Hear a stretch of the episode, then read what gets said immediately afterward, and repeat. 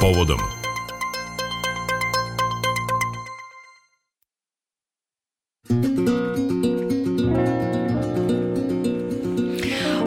dve kampanje, medijske kampanje koje su pokrenute pred kraj godine, govorimo u rubrici Povodom. Obe imaju za cilj da skrenu pažnju na medijske sadržaje koje krše etički kodeks i na to da javni govor obavezuje. E, prvo je pokrenula Akademija ženskog liderstva u saradnji sa grupom novinarke protiv nasilja sa idejom da ukaže da su seksizam i mizoginija veoma prisutni u javnom govoru u Srbiji. Oni su naročito opasni kada se pojavljuju u institucijima, medijama, medijima, na društvenim mrežama, a štetne su i predstavljaju taj prvi vidljivi izraz rodne neravnopravnosti. E, kampanja podrazumeva izbor za najmizoginiju izjavu 2022. godine i ovo je prilika da pozovemo sve vas, slušalci i slušateljke, da glasate i na taj način da svi zajedno podignemo vidljivost štetnosti takvog narativa.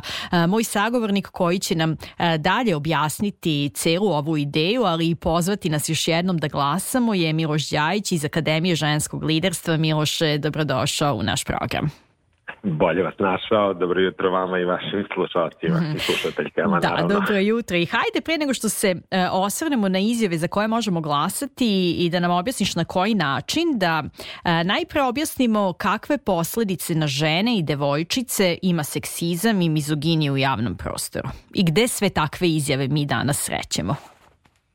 Da, pa mislim da je važno da objasnimo i vašim slušateljkama i slušalcima u stvari šta znače ove, uh, ovi termini seksizam. Da, možda znači, bolje bilo... da još od toga krenemo, jeste upravo da, si. Da, je to, jedna, uh, to je način obraćanja ili korišćenje, uh, da kažemo, reči koje mogu da se stave u seksualni kontekst, a mizoginija predstavlja upotrebu termina i reči koji predstavljaju netrpeljivost, mržnju, nipodaštavanje i diskriminaciju žena. I e, mi smo od toga pošli smatrajući da, da pre svega ne smemo da zaboravimo sve te izjave koje su se desile u 20, 2022. godini. To je prvi razlog, a drugi razlog je i da ukažemo na to da ćemo ovo u budućnosti pratiti i da ljudi koji govore u javnosti moraju da imaju odgovornost za izgovorenu reč i da naprosto ne mogu da krše pozitivne propise, to je zakone i kodekse koji postoje u ovoj zemlji.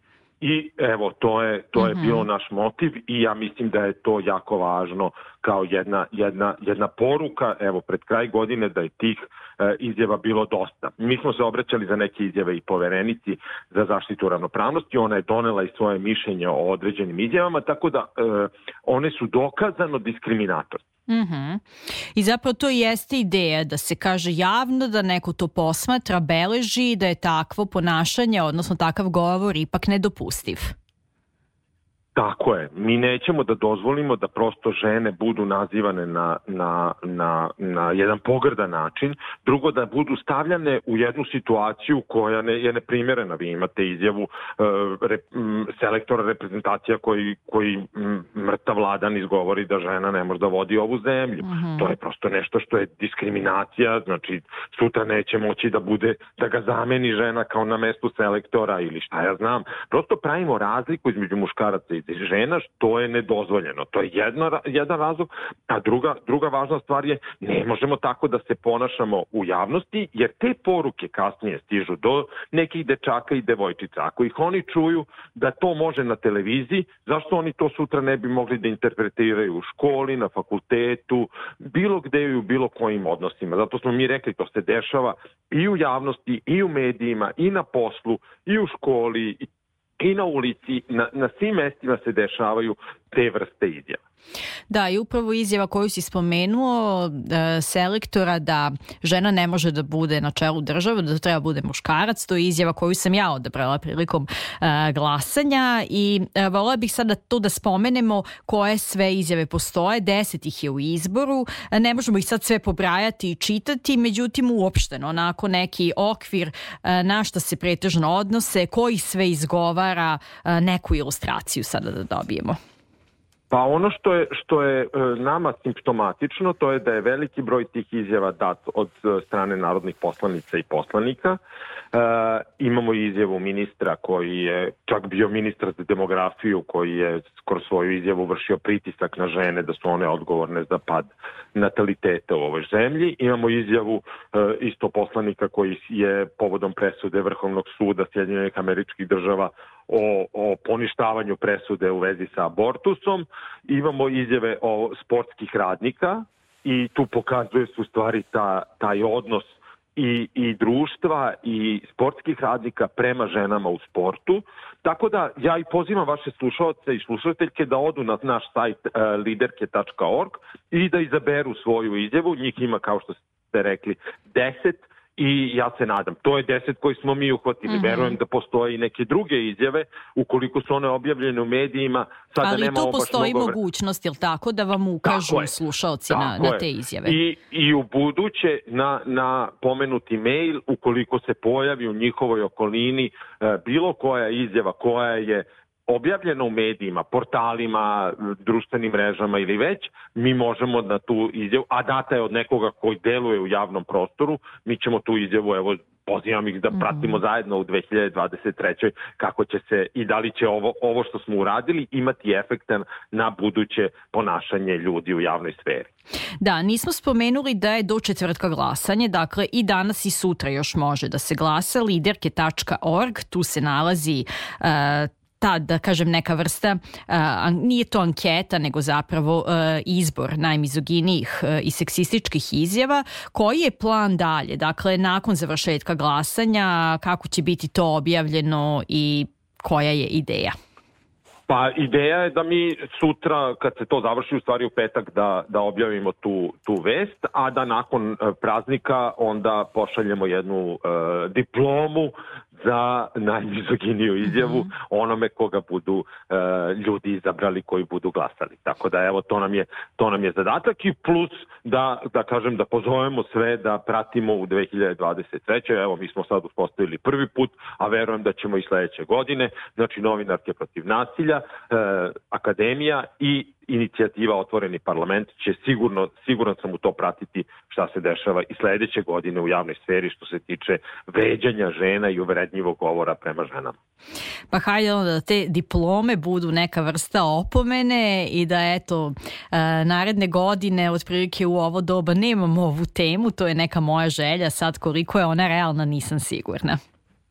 Pa, e, kako da vam kažem, evo, ono što je mene zbunilo, znači, je recimo post na Instagramu, znači na jednoj, da kažemo, mreži koja bi trebala da bude posvećena nečemu što je lepo, gde se okupljaju ljudi koji uživaju fotografijama, e, gde e, i namerno smo ostavili jedan neverovatan i grozan e, splet različitih komentara, groznih prema ženama. Da li su to ljudi koji su naručeni zbog toga naručeni, to jest organizovani od strane nekoga ko se našao na ovoj listi mm -hmm. ili su stvarno ljudi koji to pišu misleći da time ne znam šta, ali ono što je u stvari slika i prilika našeg društva i u stvari ponašanja ljudi prema ženama, evo može da se pročita tu i upravo zato već, još je veća odgovornost onih koji nastupaju i, i predstavljaju nekoga ko e, deluje u javnosti i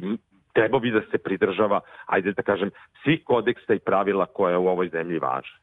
Da, a tiče se svih nas i zato je važno da se što veći broj e, ljudi uključi. Hvala mnogo Miloše na, na ovom razgovoru i na pozivu.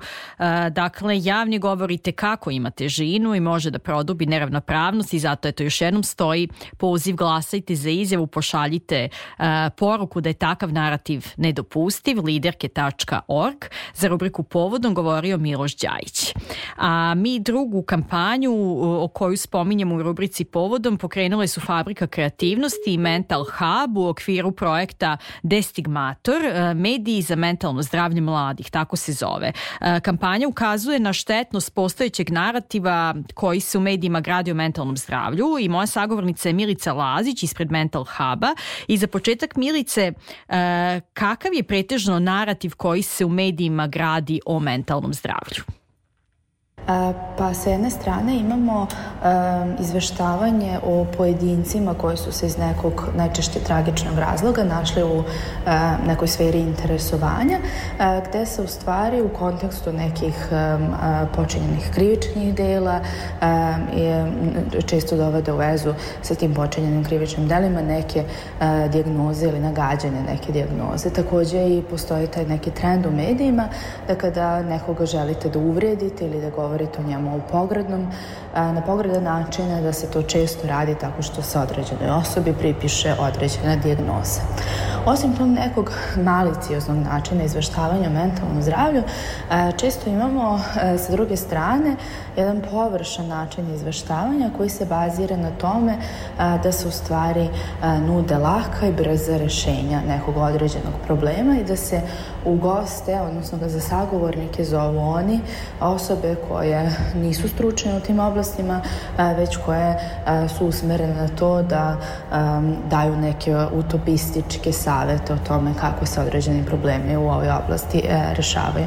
Jedan i drugi narativi, ako su različiti, u stvari nisu dobri kako za sve osobe koje imaju različite probleme u oblasti e, nekog psihološkog funkcionisanja, a naročito za one koje imaju ozbiljno ugroženo mentalno zdravlje. A sa željom da e, ostvarite unapređenje medijskog izveštavanja na ovu temu, vi ste kreirali mrežu stručnjaka iz oblasti mentalnog zdravlja.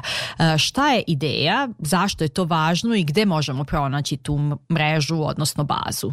Sa jedne strane, kreirali smo mrežu stručnjaka i stručnjakinja a, koji su spremni da se odazovu na pozive medije na različite teme a, i da govore na to teme. A, naš zahtev je bio da to budu psiholozi i psihološkinje i, a, i oni su se prijavili preko stotinu njih iz a, 15 gradova Srbije koji su spremni da na više od 20 različitih tema podele svoje znanje i iskustva sa, a, sa medijima. Na takav način, budući da će ta mreža biti prosleđena a, velikom broju novinara, će novinarima biti dostupan, da kažemo, jedan dokument u kom će moći lako da dođu do kontakta osobe, odnosno svog sagovornika. Sa druge strane, prepoznali smo da medijima treba i edukacija o ovoj temi koju smo već prethodno održali, gde smo pozvali zajedno medije i psihologe da grade određeni zajednički cilj u boljem izveštavanju o mentalnom zdravlju i na kraju, početkom godine nam sledi izrada priručnika odnosno psihološkog vodiča o tome kako treba izveštavati o različitim temama iz oblasti mentalnog zdravlja. A koliko neetičko izveštavanje može biti okidač za emotivnu krizu i u tom kontekstu zašto je važno na pravi način govoriti o ovoj temi u medijima? Etičko izveštavanje mentalnom zdravlju je važno iz više različitih razloga. Jedan od razloga jeste da se o osobama koji imaju različite tegobe u oblasti mentalnog zdravlja ne izveštava na jedan stigmatizujući diskriminišuć način a, to jest da se oni ne označavaju kao nasilni, kao potencijalno opasni po sebe i po druge, kao neuračunljivi i tako dalje, nego da se o mentalnom zdravlju govori kao o jednom problemu koji je rešiv. A, I u tom smislu svako a, neetičko izveštavanje o mentalnom zdravlju u stvari doprinosi tome da su ljudi sve manje spremni da prepoznaju svoje probleme, da ih su sve manje spremni da potraže a, stručnu podršku ili da priznaju sebi a, da imaju podrž, a, potrebu za takvom vrstom podrške. Dokle god je narativ u medijima na takav način stigmatizujuć, možemo pretpostaviti da ljudi neće biti spremni da sebi i drugima priznaju da imaju određenu potrebu, odnosno da imaju određeni problem za koji mi je možda potrebna podrška. I za kraj, kakve informacije, vesti, tekstovi nam fale?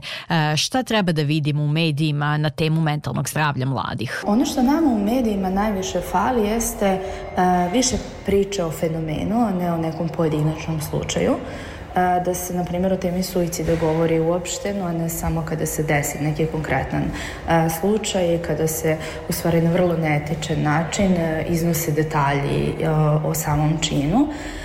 Zatim potrebno nam je da imamo više tekstova koji će govoriti o uslovima u kojima žive osobe sa problemima u oblasti mentalnog zdravlja, o radu institucija, o poboljšanju brige o mentalnom zdravlju na nacionalnom nivou. I potrebno nam je više tekstova, odnosno više medijskih sadržaja gde će se u stvari ostvariti prostor da se osobe koje imaju određene probleme u ovoj oblasti obrate i doprinos, doprinesu tome da se smanji stigmatizacija ovoj temi.